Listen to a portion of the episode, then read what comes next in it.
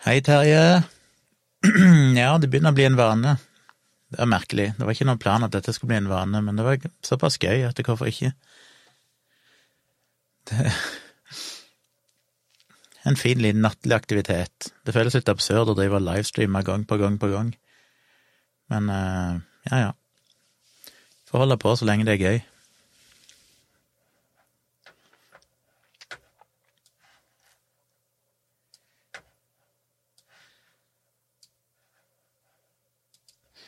Skal vi se om det er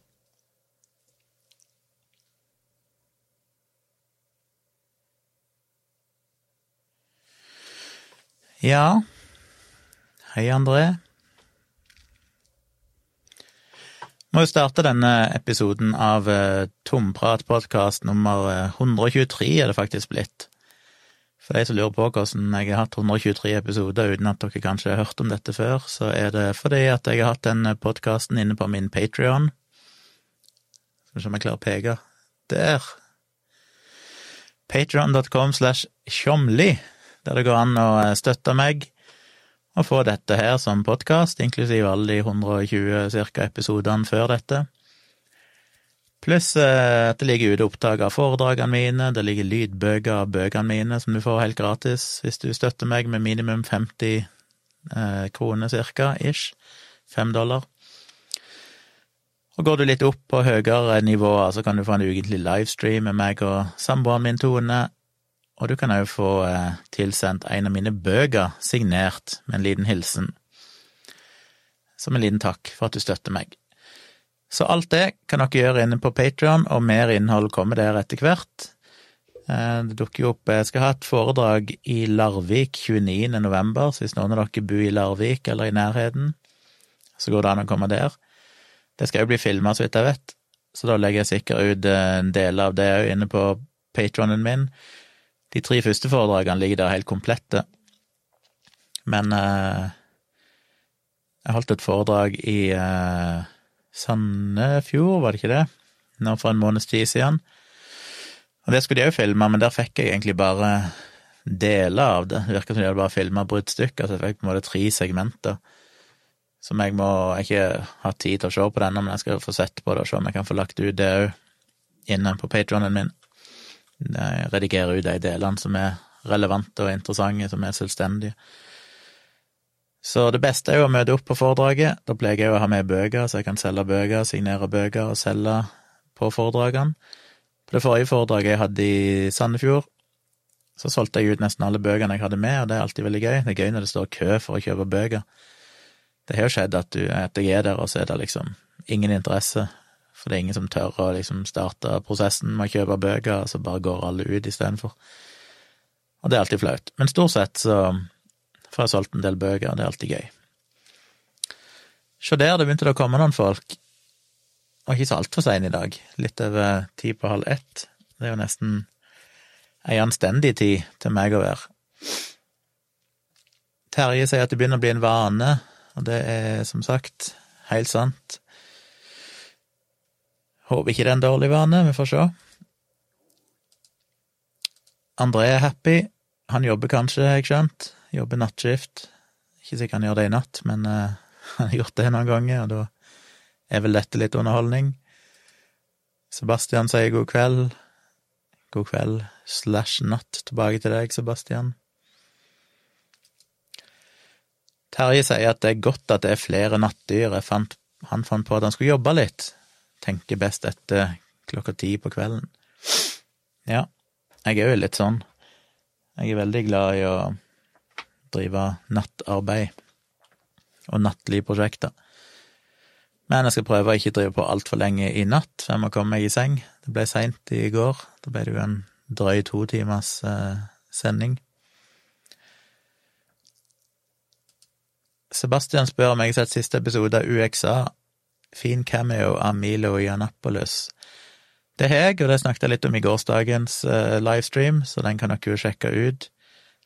Den uh, kan du enten høre som podkast hvis du liker foretrekker lydversjonen, hvis du blir Patrion, eller du kan se videoen som inntil videre ligger ute på YouTube. Kan være jeg fjerner de etter hvert, for det skal egentlig være litt eksklusivt uh, materiale her for Patrion, så Hvis ikke du finner episode 122, som heter USA valgspesial, på YouTube, så finner du den inn på Patron hvis du støtter meg der, men foreløpig ligger den på YouTube.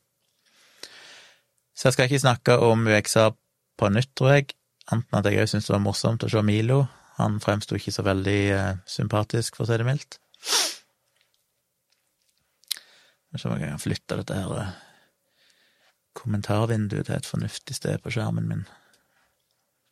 Sånn.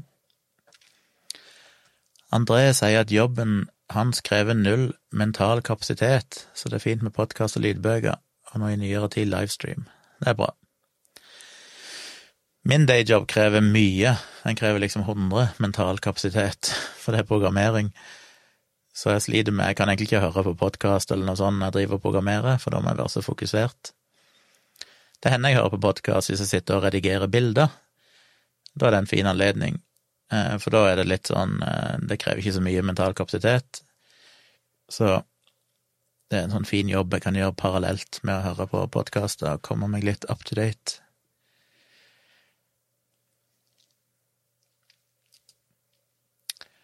Gregers, han går rett til de alvorlige tingene her. Kjenner en del som er vokst opp i strengt religiøse miljøer. Tendensen jeg har sett, er at de blir veldig utagerende og hedonistiske, for å si det fint. Kjente du mye på dette da du gikk ut av miljøet? Nå vokste ikke jeg opp i noe strengt religiøst miljø, vil jeg si. Jeg vokste opp i eh, kristent miljø, der noen av de var ganske konservative, men det var jo litt opp. Jeg hang jo stort sett med folk som ikke var spesielt eh, kristne.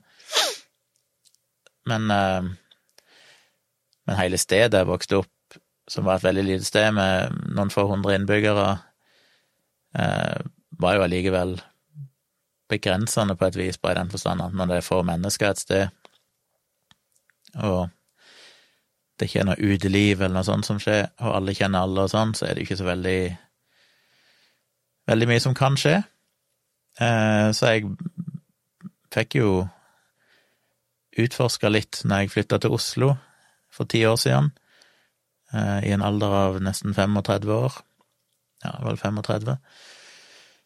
Og da fikk jeg jo eh, Fant jeg jo flere venner sånn som var mer Delte mitt tankesett og sånn. Jeg har vel aldri vært spesielt utagerende på noe vis. Kanskje småhedonistisk på enkelte områder, men eh, jeg vil ikke si det. Jeg føler ikke den effekten har vært der. Jeg tror nok heller at eh, det å ha vokst opp i et kristent miljø kanskje har prega meg, at jeg har gjort, gjort meg eh, Gjort meg relativt rolig, som jeg vel er av natur. Så jeg hadde vel ikke noe sånn stort brudd på noe vis. Det var en ganske gradvis prosess, dette med å anse seg sjøl som kristen, til å innse at jeg egentlig ikke var kristen og trodde på dette. Min største, i den grad jeg utagerte, så var det vel skriftlig i så fall, med at jeg begynte å skrive mye leserinnlegg til avisen, lokalavis, debattere med andre konservative kristne, og etter hvert førte jo det til at jeg starta blogg, og var ganske sånn antikristen en periode som jeg i prinsippet er ennå, jeg er jo anti-religion, men jeg har ikke det behovet lenger for å være sånn eh, anti-anti, sjøl om jeg satser på å komme med en video snart som handler litt om akkurat det, om eh, argument, argumenter mot Guds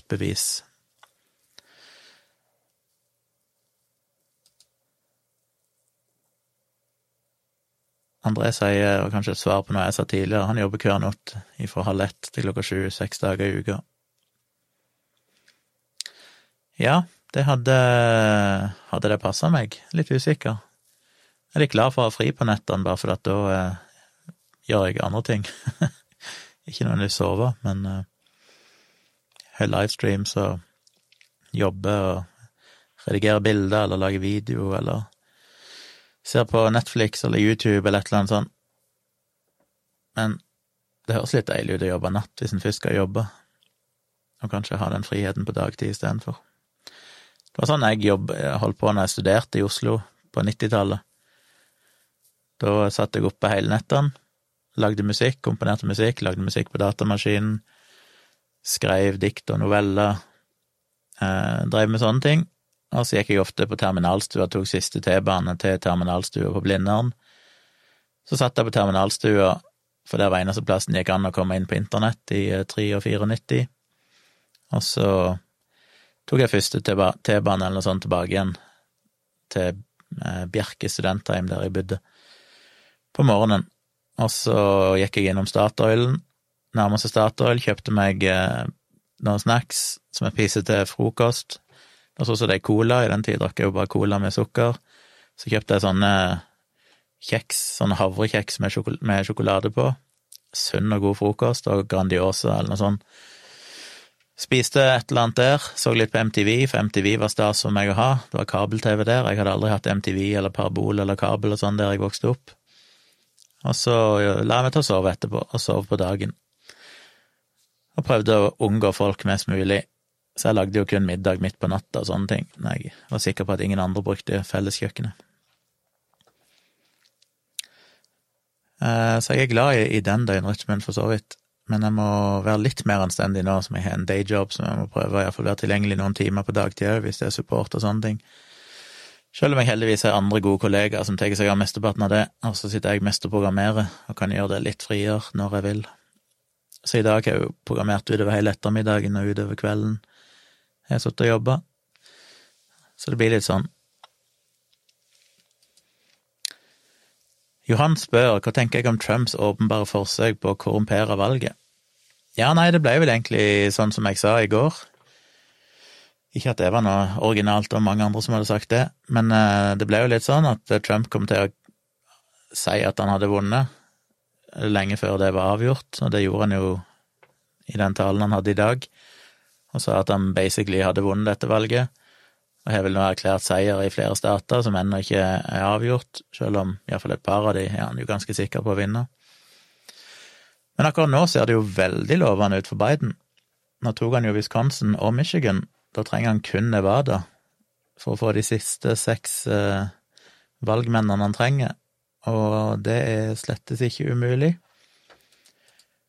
Skal vi se Nei, det er oppe på skjermen her. I Nevada så leder han jo med 0,6% på Trump. Og hvis det er samme tendensen der som det har vært i en del andre stater, jeg vet ikke hvordan det er i Nevada, om det er mye poststemmer der, men de har jo ofte gått i hans favør. Så han trenger bare Nevada nå, så er han president.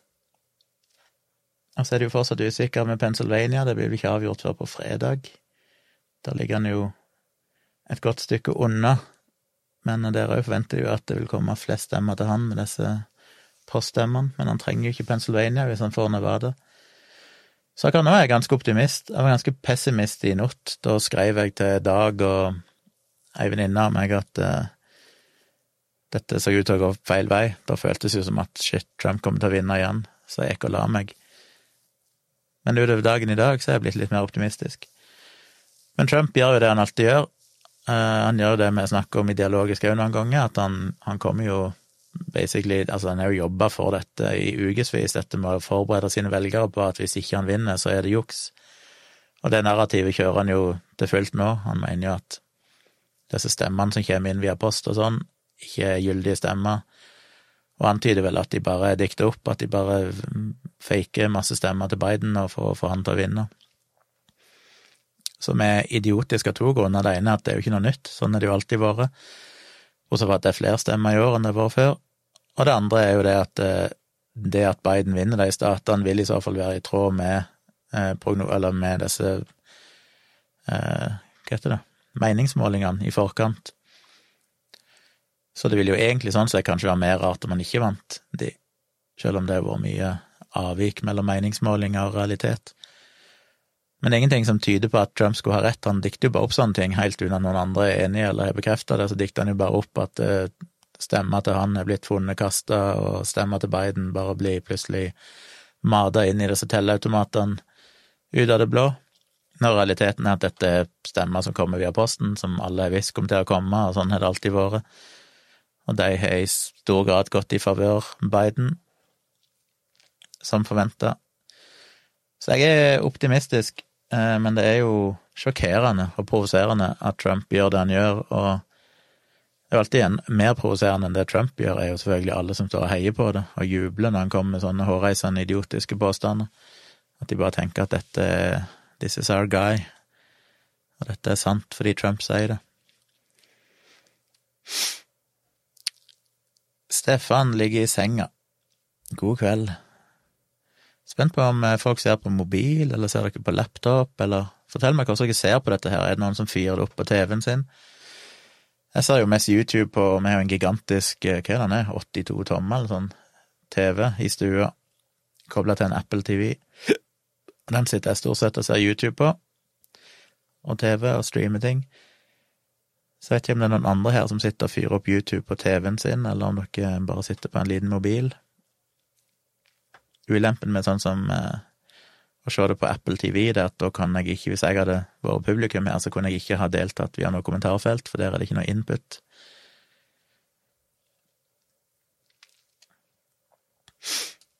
Greger spør har dere vurdert å invitere meningsmotstandere på dialogisk, type Helge Lurås. Eh, vet ikke om vi har vurdert akkurat han, men vi har vurdert det. Problemet er jo det at vi er så ekstremt dårlige til å invitere gjester. For ingen av oss legger veldig mye arbeid i det, så det blir litt mer sånn tilfeldig når det plutselig en del av de siste gjestene, eller ja, har jo mer eller mindre invitert seg sjøl, og da er det jo greit. Da er det sånn ja, kjør på, kom. Og av og til så inviterer vi gjester sjøl hvis det er noen vi tenker at hadde vært spesielt interessant å snakke med.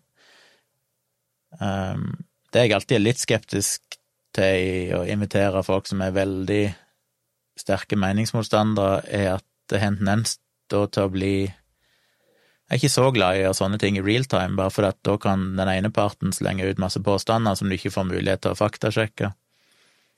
Og så blir det bare påstand mot påstand, og det er jeg ikke så veldig fan av. Så jeg har jo foreslått tidligere at hvis vi skulle ha med noen sånn, så vil jeg ha det som en sånn two-parter, der du først har én episode, men så får du tid til å faktasjekke, så kan jeg komme tilbake neste gang og så eventuelt da faktisk vise til hva som var sant og ikke sant. Men eh, det er vel begge konkludert med at det høres ut som et himla arbeid. Så, jeg er mer glad i å diskutere sånne ting skriftlig, for da kan du ta for deg argumentene, og så kan den andre eventuelt svare, men du får liksom tid til å faktisk sjekke ting. Sånne muntlige debatter med folk du er sånn veldig uenig i på ting som ofte koker ned til tall og fakta, syns jeg er vanskelig å gjøre live, for det ingen blir som regel spesielt opplyst hvis ikke du er ekstremt ekspert i akkurat det de snakker om, og liksom kan ta ting. Det er noen tema jeg føler jeg kunne tatt eh, relativt på sparket. Ja, altså der jeg stort sett kjenner motargumentene og følger såpass med at jeg kunne arrestere dem på faktafeil, men det er mange, de aller fleste temaene kan jeg jo ikke det. Og Derfor syns jeg det er et format som er litt vanskelig, og vi er jo mer opptatt i dialogisk, er vi ikke så opptatt av å diskutere uenigheter mer enn vi er interessert i å tenke høyt og prate rundt ting. Så det fins jo Det måtte i så fall være en meningsmotstander som var mer av det filosofiske kaliberet, der jeg kan diskutere litt mer filosofisk, alt det vil si, og være uenige. Stefan ser på mobil. Stefan. Sebastian. Laptop i senga. Andreas laptop.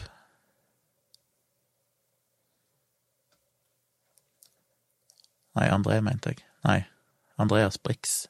Så det er en annen André, Andreas her. Det er så mange. To Andreas og én André. Laptop eller 65 tommer Samsung smart-TV. Anomi har laptopen kobla til TV-en. Terje ser på litt forskjellig. Akkurat nå på skjerm tre på kontor-PC-en, men andre gang på iPaden som han tar med seg rundt i huset. Vikram sitter i stua, nei det gjør han ikke, han sier god kveld i stua. Han sitter i hjemmestudioet sitt og ser på Johan streamet på TV med kona Mimmi. Hei, Mimmi! Uh, ja, de som streamer på TV, hvordan uh, Dere streamer kanskje fra en laptop eller noe sånt, ja, så dere kan fortsatt skrive på chatten hvis dere vil. André, valget spiller vinner noen rolle. 50% av velgerne i verdens mektigste land synes det har gått knirkefritt i fire år, som virker helt uvirkelig. Ja, jeg synes jo valget spiller en rolle. Ikke minst eh, Som vi snakket om i går, det er jo en del ting jeg tror Biden bør og kan rydde opp i. Ting som klima, ting som koronakrisa, eh, som jeg definitivt tror spiller en rolle. Men så er det jo dette da med at du må jo ha flertallet med deg i de eh, andre Hva heter det, institusjonene? Jeg husker alle hva som er hva. Kongressen, Senatet, Representantenes hus. Husker ikke hvem som har makt hvor, men eh, sånn jeg har skjønt det nå, så vil han vel være litt begrensa i hva de kan få til politisk, bare fordi de ikke, demokratene ikke nødvendigvis flertall der de trenger å ha det. Men som jeg sa i går, jeg syns jo allikevel det kuleste med at Biden eh, forhåpentligvis vinner, og nå har en ganske stor sjanse til å vinne. Folk mener vel at det er mer sannsynlig nå at han vinner enn at Trump vinner. Det er jo at det hadde vært kult, syns jeg, å ha han som president en kort periode, og så at han, at han kaster inn håndkleet på grunn av alder og helse, og så får vi en kvinnelig minoritetskvinne som president i USA. Kamala Harris som jeg syns hadde vært kult i seg sjøl. Men kanskje viktigst av alt, som jeg sa i går, er jo egentlig bare å gjenopprette et system, gjenopprette et demokrati, eh, i den forstand at eh, du har noen som regjerer, som faktisk baserer seg på vitenskap og sannhet. Og så kan gjerne republikanere vinne igjen neste gang, men at en da iallfall får en person som er noenlunde anstendig. For det er jo det som er spesielle med Trump. Det er jo ikke politikken, det er jo bare at han er fundamentalt uanstendig. Man kan si om alle presidentene at de har gjort ting som er kritikkverdige, til dels alvorlige ting, men eh, det føles mer som at det da er Hva skal en si At det ikke bare er en crazy person på toppen allikevel som får ideer. At det er mer et, en må, at en misbruker makt, i så fall. Og det er på en måte politikk. Bør ikke være sånn, men sånn er det jo av og til. Mens Trump er liksom en helt annen liga. Der er det jo bare rasering av hele fundamentet som en demokratisk stat skal være bygd på. Og det håper jeg en kan gjenopprette med Biden, uavhengig av politikk. En Greger Stram spør blir du provosert Frp-politikere som offentlig støtter Trump, tenker kanskje spesielt på Amundsen og Gjedde, som ønsker han skal få fredsprisen. Ja, jeg vet ikke hvor provosert jeg blir, jeg syns jo mer bare det er latterlig. Det er et eller annet patetisk, barnslig med det. Hvis du ser opp til Trump som de store forbildet, så sier det veldig mye om karakteren din.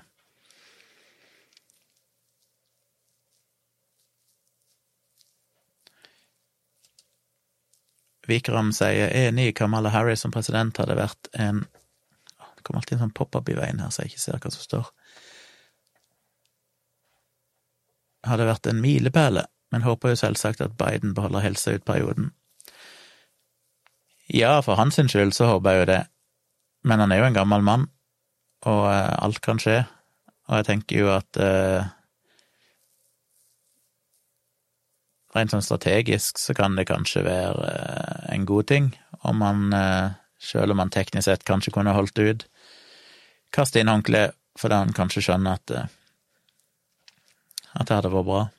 Og overlatt stafettpinnen, iallfall i slutten av perioden på et eller annet tidspunkt, til Kamala Harris, bare for på en måte å ha satt den, den milepælen med å ha en kvinnelig president.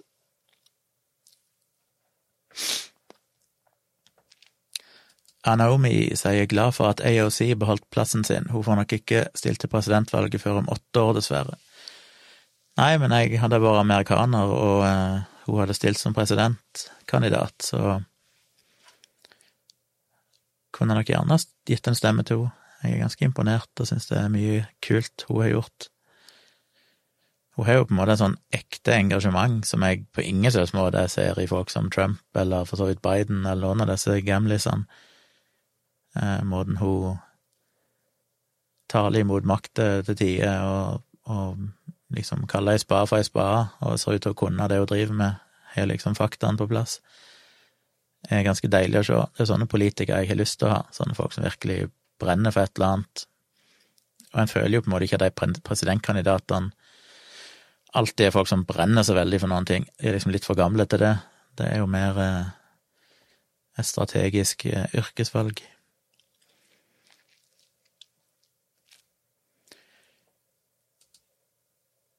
Hvem blir den Ja, Greger sier tror du vil bli kvitt Trump for godt hvis han taper, eller vil han være synlig i offentligheten på et annet vis? Ja, det er jo det Det er jo nesten hovedgrunnen til at jeg vil han skal tape, for å være litt eh, tabloid, holdt jeg på å si, litt, eh, hva heter det, blodtørstig. Og det er jo bare for jeg har lyst til å se hva som skjer. Som mange har sagt, så er det jo hva er det, hundrevis, om ikke tusenvis, av søksmål som venter på Trump i det øyeblikket han ikke er president lenger. Så etter 20. januar, hvis han ikke blir gjenvalgt, så vil det ikke overraske meg om han endte opp eh, bak murene, holdt jeg på å si. Han kommer iallfall til å være bundet opp, tror jeg, i rettssaker i ganske lang tid framover. Eh, han kommer nok til å lage mye lyd, og fortsatt eh, være synlig på Twitter i aller høyeste grad. Men det spørs vel når han ikke er president lenger, om det da vil bare fremstå som enda mer patetisk enn det det er gjort. Jeg mener én ting når du er president og skriver de tingene du gjør på Twitter som han gjør, så må en på en måte ta det på alvor, for det, han er tross alt president i USA. Men hvis han ikke lenger er president, og fortsetter å skrive alt mulig ræl så tror jeg nok de i mye større grad vil bli oversett og bare sett på som en galmann, gal galmanns rant-rabling på internett. Men igjen, jeg håper virkelig For det er jo det som er det mest provoserende med Trump, det er jo alt han har gjort som ikke har konsekvenser. Altså, han har jo gjort så mye, og vi vet jo at han er skyldig i ganske mange ting, mest sannsynlig, som burde vært straffa, men han har en eller annen grunn sluppet unna med det. Eh, og mye, òg fordi han er president. Og så i tillegg så blir han på en måte belønna ved at halve den amerikanske befolkningen, nesten Nå ser jo Biden har jo vunnet ganske overlengt med tanke på antall stemmer, sånn som Clinton gjorde ved forrige valg. De estimerte vel nå at han iallfall fikk fem-seks millioner flere stemmer enn det Trump gjorde. Men det er jo sånn sett irrelevant, siden det er ikke sånn de, det er ikke sånn du blir president i USA, med hvem som er flest stemmer. Men eh, han blir likevel belønna med at nesten halve befolkningen ønsker å ha han som president en ny periode, på tross av alt han har gjort. Men det strider jo mot alt vi ønsker i verden, av at på en måte du skal bli belønna for å være ærlig, du skal bli belønna for å oppføre deg moralsk. Eh, og så er det motsatte som skjer, en person som helt åpenbart har ja, Hvor mange tusen løgner er det ikke han har servert? Det er jo telt opp, det er sånn 20 000 løgner eller sånn han har servert i løpet av presidentperioden. I tillegg til alt annet snusk han har drevet med, og så blir du på en måte belønna med å bli pekt ut til den viktigste jobben i verden. Det er jo eh, Det er jo ikke greit. Og det er jo kanskje derfor jeg bare håper at han skal tape, sånn at nå kan rettsvesenet gå etter han, for det, det føles som at vi trenger å få eh, Han trenger å få noe motbør for å gjenopprette en viss moralsk balanse i universet. Jeg tror ikke vi blir kvitt han på noe selvs vis, men jeg tror han i større grad vil bli oversett. Og han vil nok bli travelt opptatt med, som sagt, rettssaker og, og mye styr.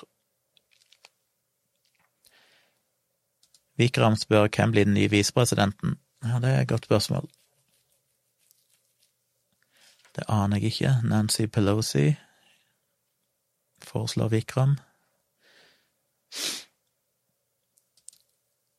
Johan skriver talen til Trump om at valget egentlig er vunnet av han for en del timer siden, fremstår for meg som psykiatrisk helsepersonell i beste fall som usammenhengende og usaklig. Hva tenker du om det?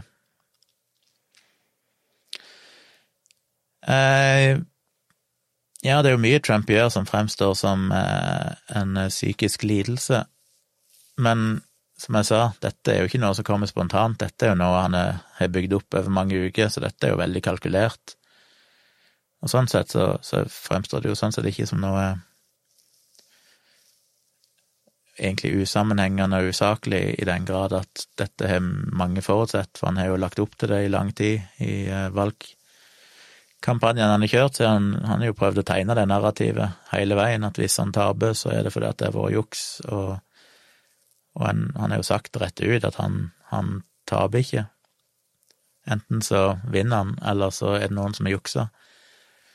Så det er jo ikke noe overraskende sånn sett, det er jo ikke en spontan, uh, usammenhengende rant han kommer med, det er jo kalkulert og planlagt over lang tid, det er jo hans strategi. Og strategien i seg sjøl er jo helt hårreisende, uredelig og farlig, udemokratisk, men uh, akkurat det vet jeg ikke om uh, jeg vil kalle nødvendigvis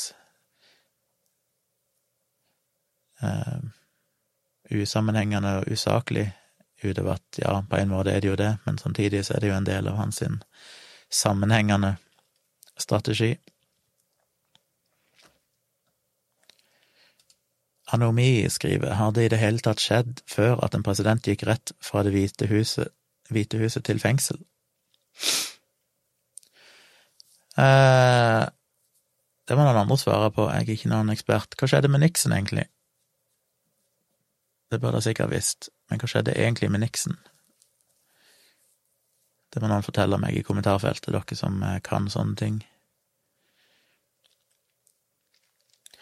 Uansett så er det jo, som det alltid er med sånne ting, det kommer jo sikkert til å være årevis med rettsprosesser før noe eventuelt skjer, men jeg håper likevel at det blir rettsprosesser som er seriøse, som faktisk Trump ikke bare kan feie unna, men han faktisk må følge opp og ta konsekvensene av, uansett hva utfallet blir ikke nødvendigvis så viktig for meg om man blir dømt til det ene eller andre, men det er viktig for meg at eh, det faktisk blir fulgt opp, at det på en måte har konsekvenser. Nixon ble benåda av Gerald Ford, ok, det var sånn det var.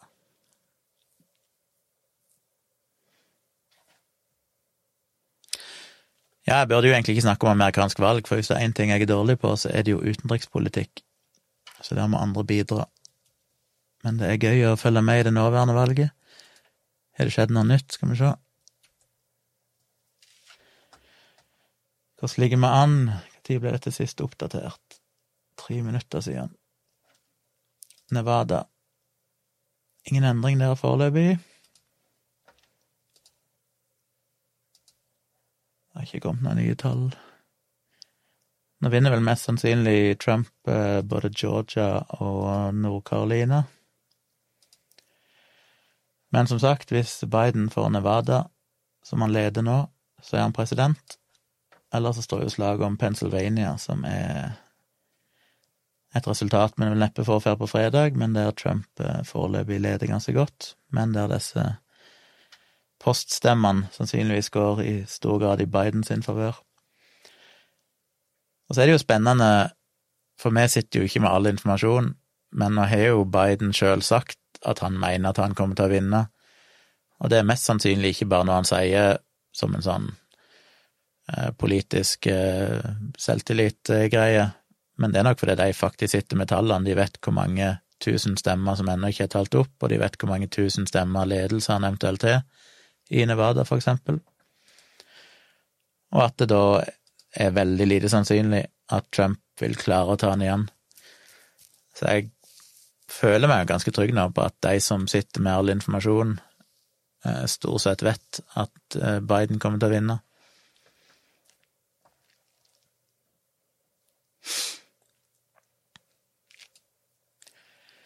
Greger spør tror du Biden lider av en mild grad demens, eller er det bare en del av en svertekampanje? Det er jeg ikke i stand til meg om. Jeg har ikke sett enormt mye av Biden sine taler. Han har jo ikke vært langt på nær så aktiv som Trump. Eh, det jeg har sett av han, har jo ikke sett uh, usammenhengende eller dement ut på noe vis. Det er klart, Trump har jo prøvd å male det som det. Men jeg har ikke sett noe tegn på det. Men han er jo Jeg legger meg ikke at det har noe å si for hans evne til å være president, men jeg bare ser når han gjenger fram til talerstolen, så gjenger han jo som en 95 år gammel mann. Så han, han liksom ser gammel ut. Det vekker ikke så veldig mye tillit til helsetilstanden, men det trenger selvfølgelig ikke ha noen ting å bety for hans mentale kapasitet. Men han fremstår som en eldre, litt mer skrøpelig president enn det jeg har sett på ganske lang tid. Eller egentlig hele mitt liv. Sebastian spør har du sett The Loudest Voice om Fox News. Ja, det har jeg. Det nevnte jeg vel òg i gårsdagens podkast, tror jeg. For det var jo en av de tingene eh, Thomas Seltzer var innom i UXA, dette med hvordan media i stor grad har bidratt til denne enorme splittelsen og polarisering av amerikansk politikk og folk, og der eh, Fox News, Roger Rails, eh, vel var en av de virkelige viktige aktørene som vel har gjort enorm skade for hele hele den ideen om at uh, fakta er viktig, altså de, de er på en måte bare rasert hele ideen om at vi må basere politikk og demokratiet og meninger må være basert på vitenskap og fakta, det kan ikke bare være basert på hva en ønsker å tro. Det vil alltid være folk som selvfølgelig tenker sånn, men stort sett i de fleste vestlige demokratiske land så, så har en jo fortsatt en slags debatt der handler om ting en stort sett kan være enige om faktaene i, og så kan en ha forskjellige vurderinger av de faktaene.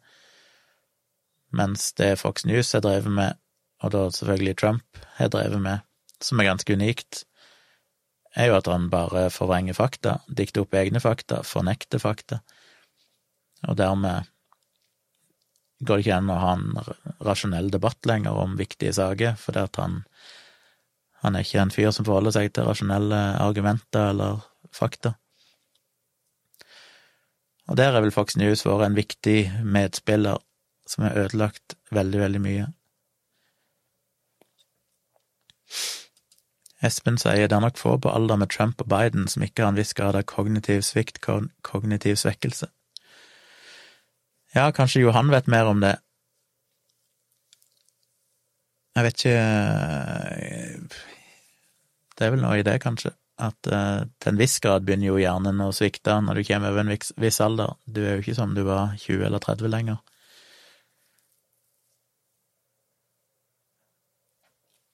Og da er det jo ekstra viktig å ha et apparat rundt seg som faktisk er i stand til å,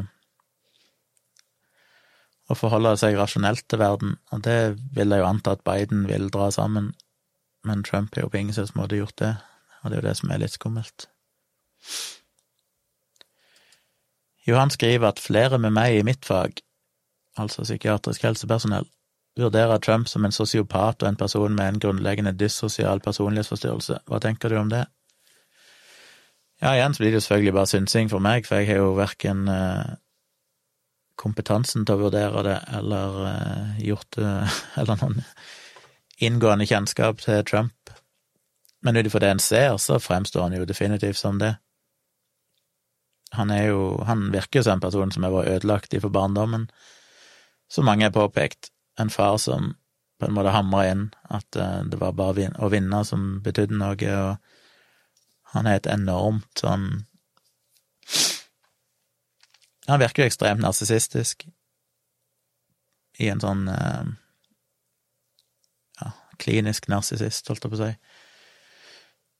Han er jo, som mange har sagt av de som jobber rundt han og skrevet om i bøkene, så fremstiller han jo som basically den verste personen de noen gang har møtt. Det er jo ikke liksom bare en person som du kanskje ikke liker fordi du har vært litt uenig med han, han er jo en person som stort sett folk ser ut til, som er samarbeidet nært med han, syns er en jævla kuk, for å si det mildt. Eh, for det er jo bare meg, meg, meg, hele tida. Han må vinne, og han er best. Han er jo det vi snakket om i går, med den amerikanske personligheten liksom tatt til sitt mest ekstreme. Alle de verste egenskapene er bare tatt til det mest ekstreme. Samtidig så er det vel mange som vil mene at alle som blir ledere i store selskaper og sånne ting, er vel kanskje den, at en litt overdreven stor andel folk der òg som er sosiopater. Det er kanskje en egenskap du må ha for å hevde deg politisk og i lederrolle. Men i hans tilfelle så er det jo ganske ekstremt.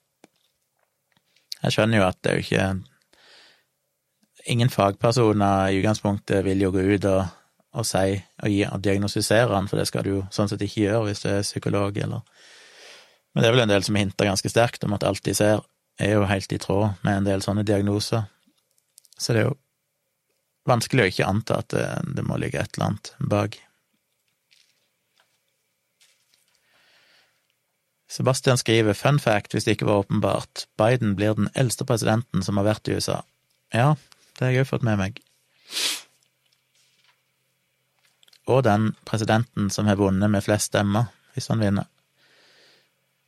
Aldri noen president i Amerikas historie som har blitt stemt fram av så mange mennesker. Og det er jo litt stas. Anomi skriver blir interessant hvem som blir visepresident om Biden går av. Lærte i dag at visepresidenten ikke bare pekes ut av presidenten, men er folkevalgt på lik linje. Valgsystemet i USA er et eneste stort rot. Ja, det er mange eh, ting å forstå og kunne der som ikke jeg kan. Det Jeg syns sånt er interessant. Det er gøy å lære nye ting om amerikanske valgsystemet. Jeg føler jeg har lært litt mer av dette valget, fordi jeg har engasjert meg litt mer i dette valget enn jeg har gjort tidligere.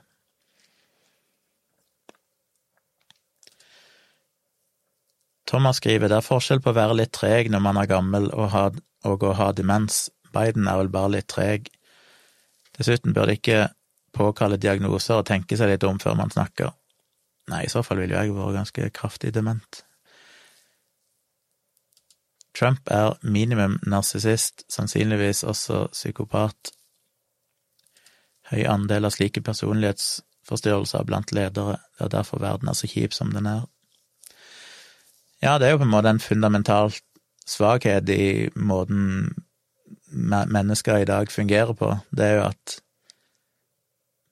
vi av en eller annen grunn ser opp til folk som er til en viss grad narsissistiske, og vi ønsker sterke ledere. Og vi dyrker jo på en måte sånne egenskaper som vi egentlig ikke ønsker å se i våre nærmeste venner eller familie. Men hos en leder så er det jo allikevel en annen grunn den type egenskaper en ofte ser litt opp til, bare fordi at du trenger ikke forholde deg personlig til dem. Og da er det jo folk som er enorm selvtillit, og som aldri gir seg og kjører på, som er de som vinner. Problemet er jo det at eh, de ofte ikke er de mest empatiske menneskene, og kanskje ikke behandler folk nødvendigvis så bra rundt seg, og kanskje ikke helt evner å se problemene til folk som de ikke eh, trenger Som de ikke har noe å vinne på å forholde seg til. Og det er på en måte Trump i et nøtteskall, at for han så handler jo alt om at han må ha noe igjen for det. Han vil jo bare være en god president for folk som han føler han kan vinne noe på å være god med. Hvis ikke det gagner han, så har han jo ingen, ingen som helst grunn til å hjelpe noen eller støtte noen.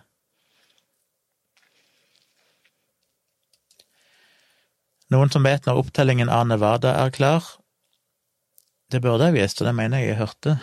Var det Nei, det var Georgia som skulle være klar i natt en gang, i tre-ti i natt, var det ikke det? Nevada skulle være klar Var det i morgen? Husker ikke helt. Skriv det hvis noen andre har fått det med seg.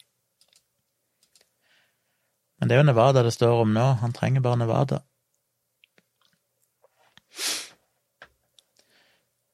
Thomas skriver 'Sjekk O'Hairs sider om psykopati på nettet'. Tenker også på realityshow, der dyrkes også kyniske personlighetstrekk. Ja. Tone snakker vel litt om det i en av sine siste podkastepisoder, Nerve. Om det der med At det føles ofte som at du ikke nødvendigvis er den som vinner hvis du oppfører deg ærlig og redelig, og Trump er jo på mange måter kroneksempelet på det at ved å være sosiopat og ikke bry deg om andres følelser, så har du på en måte en fordel, dessverre. For det er klart det er ekstremt hemmende å ta hensyn til andre hvis du skal opp og fram. Og mange som tar hensyn til andre, vil jo aldri komme seg opp og fram, fordi det ofte er en direkte konflikt mellom de to tingene. Eh, så sånne folk som Trump vil jo på en måte ha en fordel med at Det klassiske eksempelet som jeg snakket om dialogisk, det var jo dette her når Trump fikk eh, korona, eller covid-19, og ble syk, og Biden umiddelbart trakk alle de negative eh, videoene og sånn mot Trump, i respekt for at Trump faktisk lå på sykehuset og var syk. Men så vet du jo bare det at hvis det hadde vært motsatt, hvis det var Biden som havna på sykehuset, så hadde jo Trump brukt det for alt det var verdt. Det hadde vært kjørt kampanjer med hvor svak Biden var, og hvor fantaber han var som ble syk, og ikke minst fordi han har brukt ansiktsmaske og allikevel ble syk. Han har liksom bare brukt det politisk så til de grader, det finnes det jo ingen som helst tvil om. For den mannen har jo ingen form for medfølelse eller eh, ydmykhet eller han, han kjører jo bare på. Hvis, kan, hvis, han kan vinne noe på det, så gjør han det, uansett hvem som måtte lide og dø på ferden. Og det er litt sånn, det er det som føles urettferdig, at en ønsker jo egentlig at alle skal spille litt på samme plan, at samme, at det er en sånn fundamental respekt og, og eh, anstendighet som ligger til grunn. Når du plutselig er den ene personen som bare driter i det, og bare kjører på, og så ønsker en jo en verden, jeg mener i alle eventyr, alle Disney-historier, så blir du straffa for det, for det folket vil egentlig hylle de som er ærlige og moralske. I virkeligheten så er jo alle seg sjøl nærmest, og så lenge noen tydeligvis i USA mener at Trump for eksempel har gjort, eh, skapt flere jobber eller gitt de bedre økonomi, så driter de jo i hva han har gjort. Eh, da er på en måte ikke moral og ærlighet viktig lenger, for at de føler at de iallfall vinner noe på det, og da kan de ikke gjennom fingrene med alt det han har funnet på av faenskap. Og det er jo det som er deprimerende, at vi klarer ikke å, å se så langt. Folk flest ser bare hva det som hva det er jeg kan vinne på. Og hvis de føler at de har noe å vinne på at Trump blir president, så ser de gjennom fingrene med all crappet han har gjort.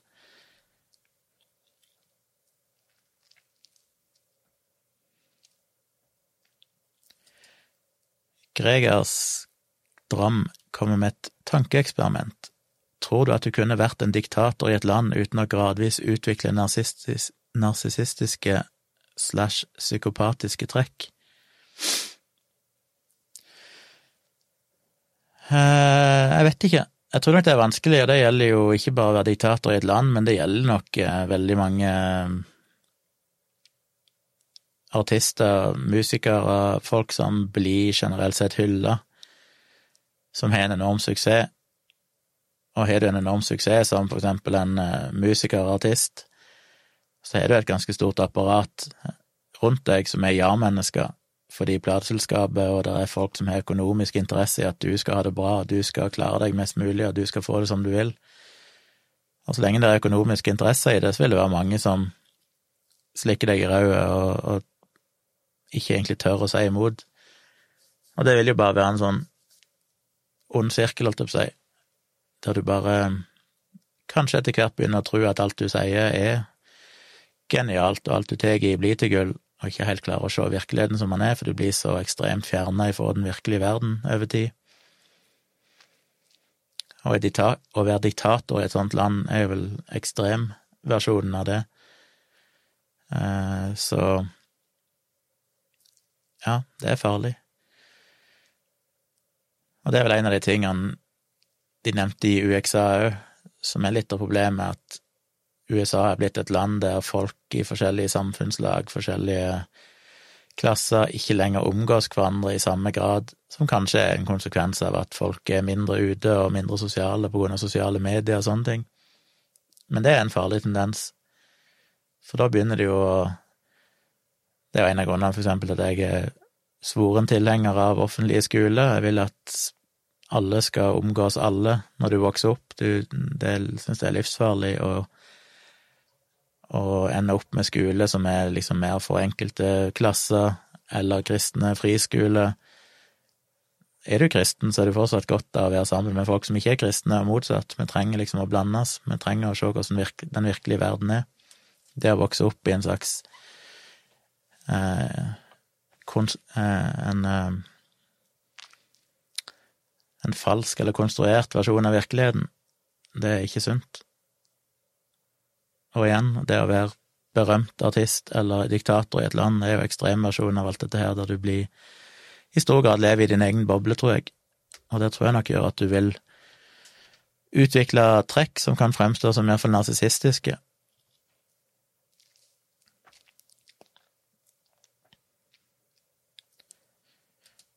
Thomas skriver og at Trump ble frisk på rekordtid, kanskje på grunn av en hemmelig medisin og masse steroider, men så blåser han bare i hele greia at covid ikke noe, var ikke noe. Ja, det var jo kanskje omtrent det verste som kunne skjedd, det var jo da Trump blei frisk fort, eh, i den forstand at det spilte jo bare opp under hans sitt narrativ om at eh, koronapandemien ikke er så farlig.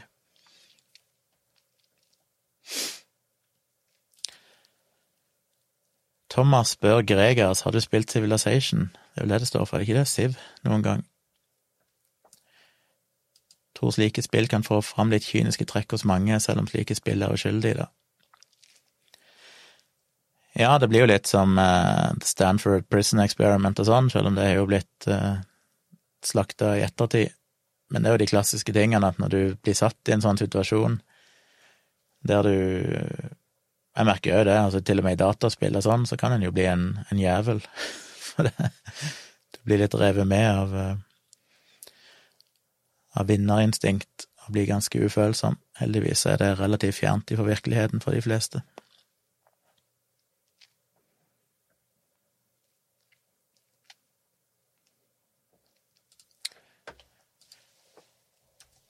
Jeg sitter og refresher her, jeg tror ikke den har for seg, for det kommer ikke noen nye resultater på noen timer ennå. Men jeg har så lyst til å våkne i morgen og høre at Biden er president, og jeg føler meg som sagt ganske sikker på at det kommer han til å bli nå. Som jeg er glad for. Så er spørsmålet hva blir etterspillet da? Når du ser de bildene av eh, Trump-militsen som går rundt fullt bevæpna og står klar, så er det litt skummelt. Jeg skjønner ikke helt at Anders Magnus er jo gjentatt mange ganger på NRK at han frykter mer venstresida hvis eh, Trump vinner, at det vil være folk på venstresida vil gå til voldelige angrep. Det er mulig han har rett i det, han har vel vært der og ser mer med sine egne øyne hva som er der, men media har iallfall vist lite av det, syns jeg. at Jeg har ikke sett liksom bevæpna antifa-mennesker stå klar, eller Black Lives Matter-folk med våpen. Eh, jeg klarer ikke helt å se at det er like sannsynlig. Jeg føler vel at det er mest sannsynlig at eh, det vil være Trump sine tilhengere som går bananas hvis han skulle tape. Men det vil nok avhenge mye av hva Trump sier. Jeg mener, hvis Biden i morgen, eller senest fredag, erklærer seier, så er jeg veldig spent på hva Trump gjør, for han sier jo sjøl at han ikke at han er en dårlig taper, og ikke egentlig har tro på at han har tapt. Jeg klarer ikke helt å se at det finnes noen mulighet for at Trump skal si liksom Gratulerer til Joseph Biden for å ha vunnet valget. Jeg klarer ikke helt å se for meg at han noen gang skal kunne ta den telefonen til, til Biden, som jo er tradisjon, og gratulere de med å ha vunnet. Så jeg er litt spent på hva han gjør, om han bare lirer av seg noe svada om juks og sånn, og så på en måte trer han av den 20. januar, eller om han kommer til å aktivt komme med provoserende uttalelser der han mer eller mindre oppfordrer voldelige, til voldelige sammenstøt. Jeg bare klarer ikke helt å se hva han skal ha igjen for det. Jeg tror til og med Trump må vel skjønne at det vil jo ikke føre til noen ting bra for noen. Det er ikke som at han kan ta over presidentskapet igjen gjennom at noen begynner å skyte og drepe.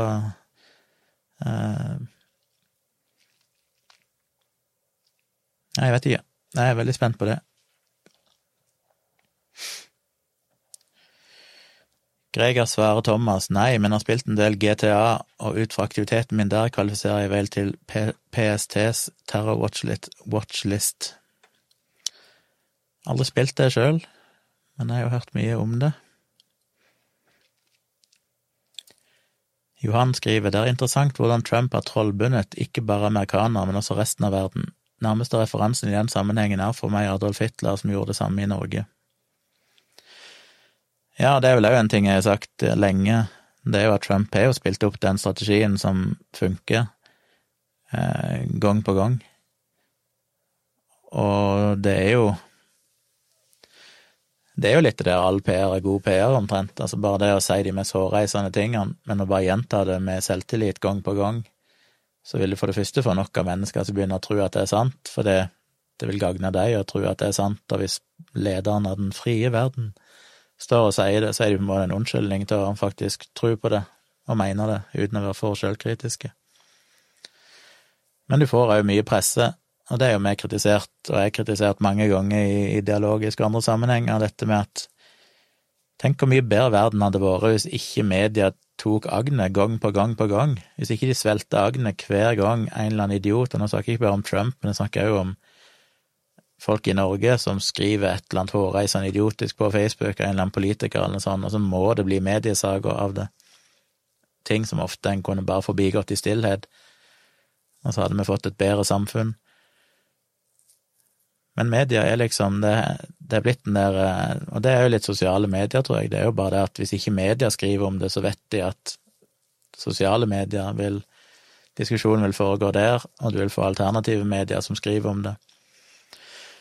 Så det er blitt en sånn nedadgående spiral der media må bare synke lavere og lavere, for hvis ikke så mister de lesere og oppmerksomhet, så de må liksom kaste seg over de dummeste tingene som blir sagt, og fronte de på forsidene sine for å på en måte igjen ta kontrollen, på et vis. Og det fører til så mye dårlig. Det fører jo til, til den splittelsen og polariseringa av debatten og manglende fokus på det som faktisk er viktig her i samfunnet. Så jeg tror jeg skulle koke alt som er skjedd av faenskap de siste årene, med svekka demokrati og ytringsfrihet og alt som finnes, så er det jo at vi mangler et media som har liksom et veldig klart og tydelig redaktøransvar, som kan si at dette er faktisk ikke interessant. Det er ikke dette nivået vi skal ligge på. Men så lenge det er fri konkurranse innenfor media òg, så vil det alltid være noen andre som tar ballen. Og da er det vanskelig å la være. Det er vanskelig å gi fra seg de sakene. Og miste leseren. Selv om en kanskje vet at det ikke er til det beste for noen at en gir det oppmerksomhet. Vikram skriver Trump kommer til å kjempe og gjøre Amerika elendig og splittet mot seg selv ut perioden. Da vil han forlate landet for å unngå utlevering og tiltale. Min gjetning er enten Saudi-Arabia eller Russland.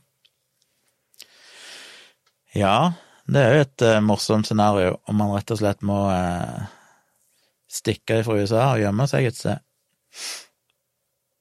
Kanskje derfor han har en stor bankkonto i Kina og har prøvd å gjøre seg til venn med kineseren. Kanskje han stikker til Kina.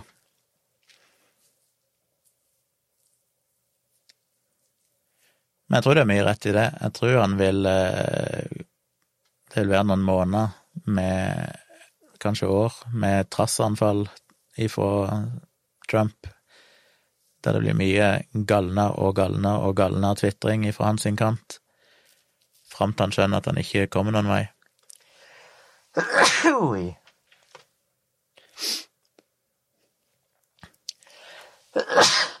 Sorry, folks. Og så stikker han, når han innser at uh, han enten stikker eller havner i fengsel. Thomas skriver både Trump og Hitler skapte arbeidsplasser, dog Hitler mer basert på krigsforberedelser. Ja, det er mange Hitler-analogier å ta av. Burde valgsystemet, Greger skriver, burde valgsystemet i USA endres på et vis at useriøse kandidater som Trump kan ende opp med å få nominasjonen til et politisk parti, eller rettere sagt ikke ender opp med nominasjon.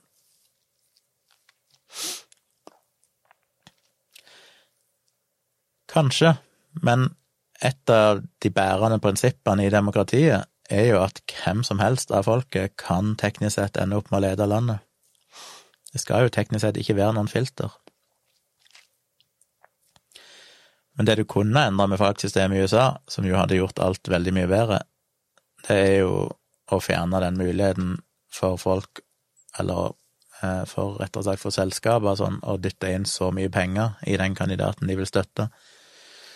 For til syvende og sist handler jo ofte presidentvalget om hvem som har tilgang på mest ressurser. Og da er det ikke nødvendigvis den beste som vinner, men det er den som flest eh, bedrifter eller flest mener at de kan få noe igjen av. Så jeg tror en hadde kommet lang vei med å fjerne mulighetene, fjerne den der økonomiske finansieringa av kandidater ifra selskaper og så videre.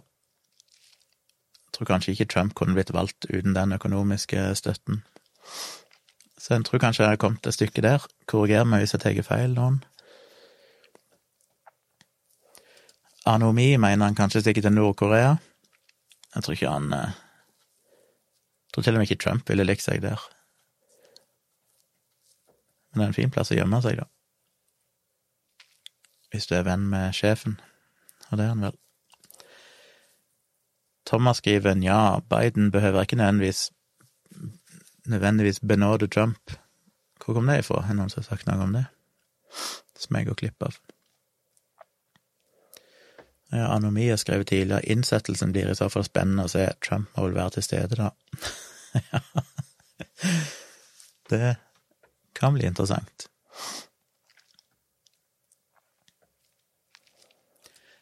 Andreas Valgsystemet i USA bør endres slik at den personen som får flest stemmer på landsbasis, burde vinne. Ja, han skulle jo tro det.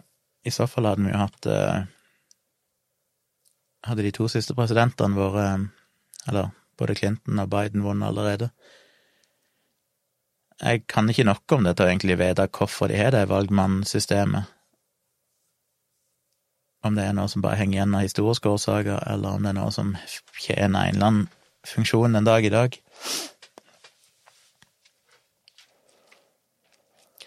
Men det henger vel litt sammen med at eh, mens vi ofte ser på et valg som et valg av lederen for et land, så er vel egentlig valget i USA et valg i, i 50 eh, stater som eh, ja, som gjør sine valg i hver stat, og den som får flest stemmer innenfor staten, da skal gi alle sine stemmer til den ene kandidaten som blir lederen av USA, men det er jo egentlig ikke et valg for USA, det er jo egentlig et valg per stat. Men hvorfor det er sånn at alle valgmennene i den staten da må stemme på samme kandidaten, det har jeg aldri helt skjønt hvorfor det skal være sånn. Det er vel én stat som er annerledes, er det ikke det? Hvilken stat er det som har to valgmenn? Jeg syns jeg hørte om en her der hver av de kunne stemme på hver sin kandidat, som var unikt for én av statene. Hvis ikke jeg husker feil. Thomas skriver det burde minimum vært slik at valgmennene fordeles proporsjonalt og ikke the winner takes all. Ja, det hadde jo vært den fine mellomtingen, at ikke alle valgmennene må stemme på samme kandidat, men at eh, de ble fordelt i henhold til antall stemmer hver kandidat hadde fått i staten. Johan skriver jeg må ærlig innrømme at jeg lenge av ren morbid kuriositet har sett frem til etterspillet av Trumps presidentperiode. Ja, det er jo samme her. Det å sitte på utsida og studere det som skjer, så får en jo litt sånn Jeg gleder meg Sånn sett blir det jo interessant om Trump skulle vinne òg og bare se hva i all verden er som kommer til å skje de neste fire årene. Men jeg tror det hadde vært mer spennende hvis han taper, og se hva som skjer med Trump i ettertid da. Eh, både Trump og ikke minst det vi snakket om tidligere, da blir det voldelig opptøye. Kommer han til å gi fra seg eh, presidentrollen på en noenlunde anstendig måte, eller hva er det i all verden som kommer til å skje? Det er spennende, og alt dette starter kanskje i morgen. Jeg gleder meg. Christian skriver valgmennssystemet ble vel til fordi man mente at de var mer kvalifiserte til å bestemme hvem som skulle lede landet. Ja, kanskje det, men allikevel skjønner ikke dere hvorfor alle i samme stat må stemme på samme kandidaten. At ikke de da stoler på at eh, de valgmennene som blir valgt, da kan stemme på den presidentkandidaten de sjøl føler er den beste. Terje skriver tror kanskje det er Maine og Nebraska som ikke har winner takes all-systemet.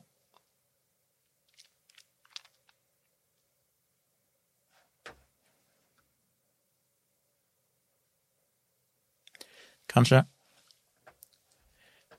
Slopsbox, det var et nytt navn. Når Trump nå snart må luske slukøret ut av hvite, de hvite lokalene sine, tror du det blir mer fyr under etterforskningene mot han og selskapene hans, og kanskje straffeforfølgelse? Ja, det tror jeg.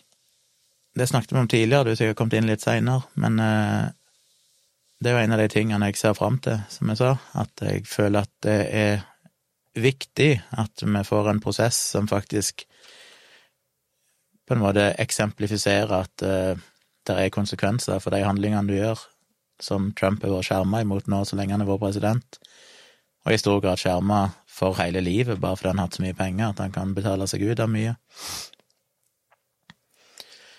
Men det er jo en ting som mange har påpekt, at uh, det er som sagt, så vidt jeg har skjønt, tusenvis av rettssaker som venter på han.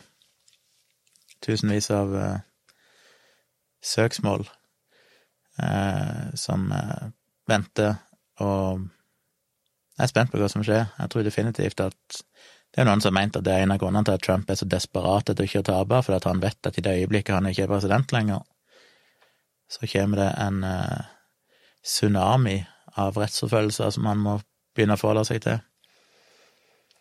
Og som Vikram skrev lenger oppe her, kanskje han på et eller annet tidspunkt da innser at her er det ingen vei utenom å bli straffa på en eller annen måte, og så stikker han av gårde til et eller annet annet land. Anomi skriver lurer på om det bare er noen få delstater som pålegger valgmennene å stemme på vinneren, men det er mest sedvane og ytterst sjelden at noen stemmer motsatt vei. Ja, det kan være, det vet jeg ikke. Om det er mer tradisjon enn eh, at de faktisk er pålagt å gjøre det.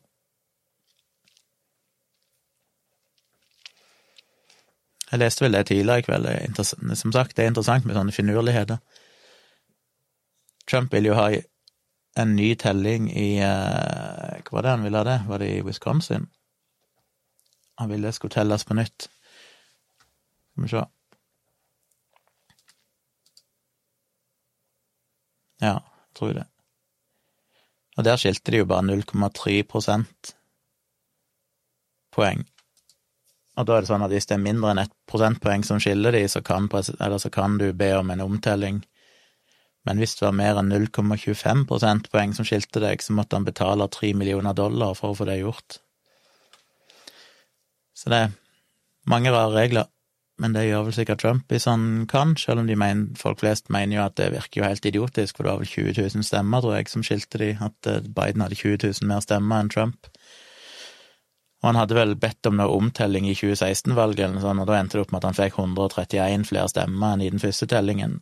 Så liksom sjansen for at det skal være 20 000 som er talt feil, er jo mikroskopiske, så det være bortkasta tid, og det vil koste han mye penger.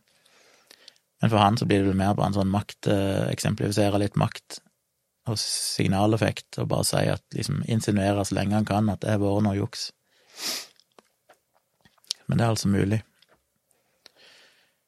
Så jeg er litt usikker på, hvis de skal telle på nytt, hvor lang tid det tar, om de da, hvis Biden vinner, om de da kommer til å vente, om de da må vente med å utkåre Biden til vinner, eller om folk flest jurister og alle som kan dette her, innser at dette her er fånyttes, og i praksis er Biden vunnet, at de da kan erklære han som vinner, selv om det pågår en omtelling. Vet ikke hvordan det fungerer. Jeg håper ikke det skjer ting, at Trump begynner å fucke opp med ting, sånn at ting bare blir utsatt og utsatt. Thomas skriver hvis USA en gang splittes opp, hvem får atomvåpnene? Skummelt hvis de mest ekstreme Trump-tilhengerne får tilgang på de våpnene. Tryggest at USA blir, forblir forent.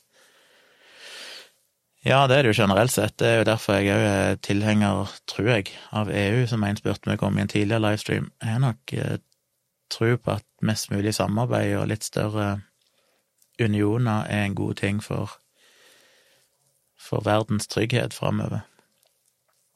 Masse små stater som har interne stridigheter kan fort bli mer trøbbel enn det er verdt. Johan skriver lurer på hvordan Trump vil forklare det om han eventuelt vinner valget. Ja, det har jeg òg tenkt litt på. når du legger så opp til at ting er juks og det er ikke måte på, og hvis han da vinner, hvordan skal han da forklare det? At han vant på tross av juks? At han vant med så overveldende mange stemmer at selv om demokratene prøvde å jukse, så vant han? Det er vel det som blir narrativet.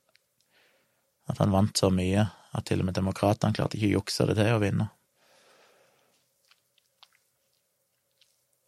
Men jeg lurer på hvordan det er med omtelling, om han vil kreve en omtelling hvis han da ender opp med å vinne, eller om han bare sier at nei ja, glem det.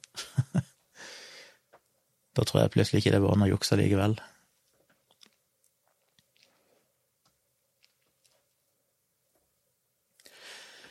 Yes, jeg syns dette her er så gøy. Kunne jo sittet sånn hele natta, men eh, jeg må komme meg i seng, og jeg holdt på en time, en drøy time. Så jeg tror jeg må begynne å runde av. Sjekk meg ut på Patron, folkens. Patron.com slash tjomli. Jeg har fått eh, noen få nye patrons, det er ikke så mange, men jeg trenger det. Jeg har lyst til å gjøre mer innhold, og trenger den støtten jeg kan få. Så hvis dere setter pris på de her livestreamene som jeg ser en del gjør, så er det veldig hyggelig om dere viser det ved å, å bli patrons til en femtilapp i måneden. Det er ikke så mye, men det hjelper meg veldig hvis en del gidder å gjøre det. Eh, så får jeg den støtten der inne, så vil jeg jo satse på å prøve å holde det gående med forskjellige typer innhold og livestreams og sånt framover òg. Så sjekk ut min Patrion. Abonner på kanalen min, husk på det, Tvilsomt med Tjomli, der dere ser videoen nå. Trykk på abonner, og trykk på varslinger, og trykk på like på denne videoen. Det hjelper meg mye. Gi en thumbs up. Koster dere bare et klikk, men det gjør at jeg får litt mer spredning, og YouTube liker kanalen min enda litt bedre, og det er alltid viktig. Eh, så det er de tingene dere kan gjøre for å hjelpe om dere ikke vil være patron, men dere kan gjerne gjøre det i tillegg til å bli patrons. da de var det optimale. Jeg må ta en liten studiotur her snart i en livestream, for som dere ser, hvis noen har lagt merke til det, så har jeg ommøblert litt her inne. Jeg la ut noen bilder på Instagram og Facebook for å vise det. Vi har rigga oss til, meg og Tone nå, sånn at det går an å spille inn eh, podkast her med to personer. Jeg har fått to mikrofoner, dere ser en der bak.